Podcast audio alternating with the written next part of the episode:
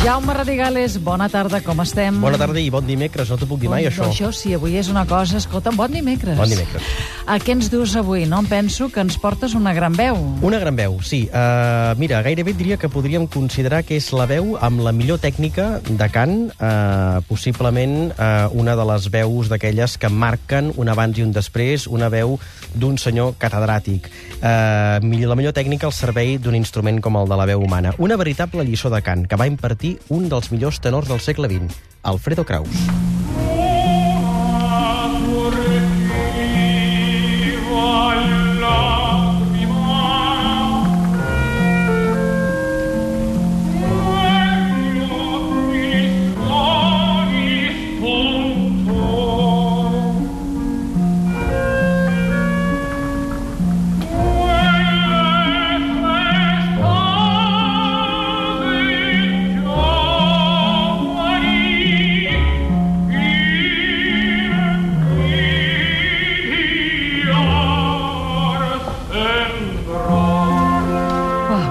Veure, la lliçó, ensenya'ns la lliçó. Fes La lliçó. Mira, sí. en primer lloc, un sentit del treball, un sentit de la disciplina, uh -huh. que és el que van fer de Kraus, eh, el cantant, com deia, millor tècnica. Sentit de la disciplina i del treball que venien donats segurament per una educació que va rebre Alfredo Kraus del seu pare.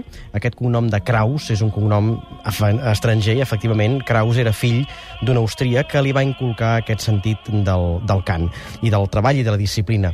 I aquesta mm, disciplina tan fèrria és el que analitza un llibre, perquè de fet parlem d'un tenor, però per què parlem avui d'Alfredo Kraus? Doncs perquè ha aparegut un llibre que jo recomano vivament als nostres oients, un llibre que es diu Alfredo Kraus, una concepción del canto, que signa un col·lega de l'emissora Ràdio Clàssica de Ràdio Nacional d'Espanya, és Arturo Reverter, en un llibre que es publica a Alianza Editorial. I és un llibre molt atractiu, perquè no és tan sols una biografia, sinó que és eh, un estudi il·lustrat. Un estudi il·lustrat. Què vols dir, un estudi il·lustrat? Doncs mira, no té dibuixos, deixem-ho clar, però sí que té pentagrames, però Ah. per qui no sàpiga llegir música no passa res, perquè és un llibre que incorpora un disc compacte, no pas amb fragments eh, sencers d'òperes, sinó amb eh, fragments molt, molt, molt, molt, molt escapçats. És a dir, analitza, per exemple, com cantava Kraus una determinada frase, com respirava Kraus, Oh, que i bé. potser hi ha pistes de res, dos, tres segons, cosa que demostra que Kraus va ser un home, en primer lloc, molt seriós a l'hora d'estudiar, a l'hora d'interpretar els papers operístics que de seguida el van fer cèlebre,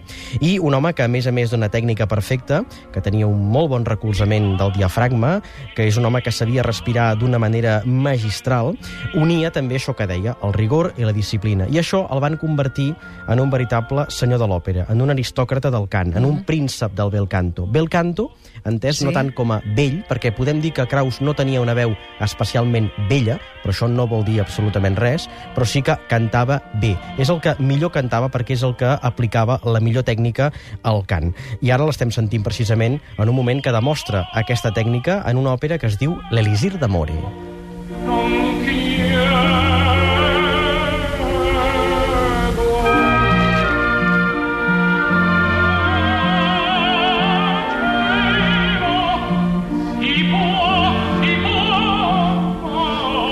avui que ens estàs allò utilitzant, és clar, dit així, no? la veu de Kraus, com per fer escola, no? com Mhm. per ensenyar-nos de quina manera es pot col·locar la veu, ara a propòsit també que s'hagi editat aquest llibre, en quin altre moment ens el vols dur, o amb d'altres veus, potser? Doncs mira, podríem passar a canviar de registre i anem ara als poderosos sobreaguts, en aquest cas d'òpera francesa, i en particular d'una obra que es diu Romeu i Julieta, d'un compositor que es deia Charles Gounod.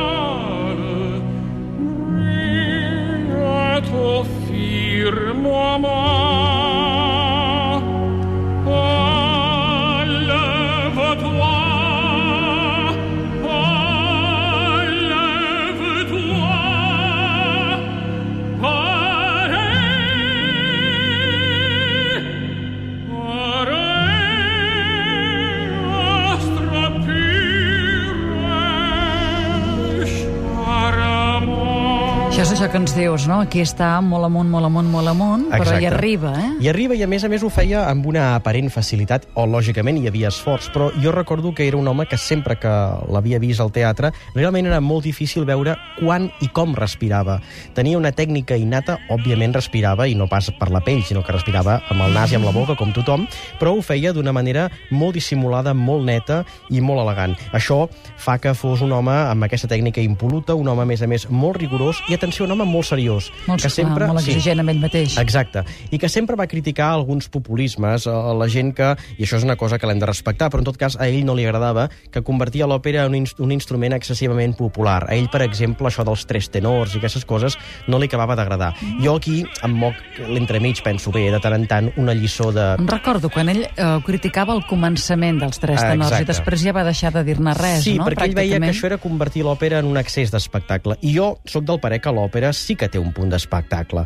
Eh, per tant, una mica d'equilibri tampoc està, està de més. De fet, el mateix Kraus no rebutjava certs espectacles, com per exemple eh, fer sobreaguts no escrits. És a dir, el, el compositor escriu una partitura i marca l'alçada d'unes notes. Però de vegades la tradició imposa aquests sobreaguts. I Kraus amb això no hi renunciava.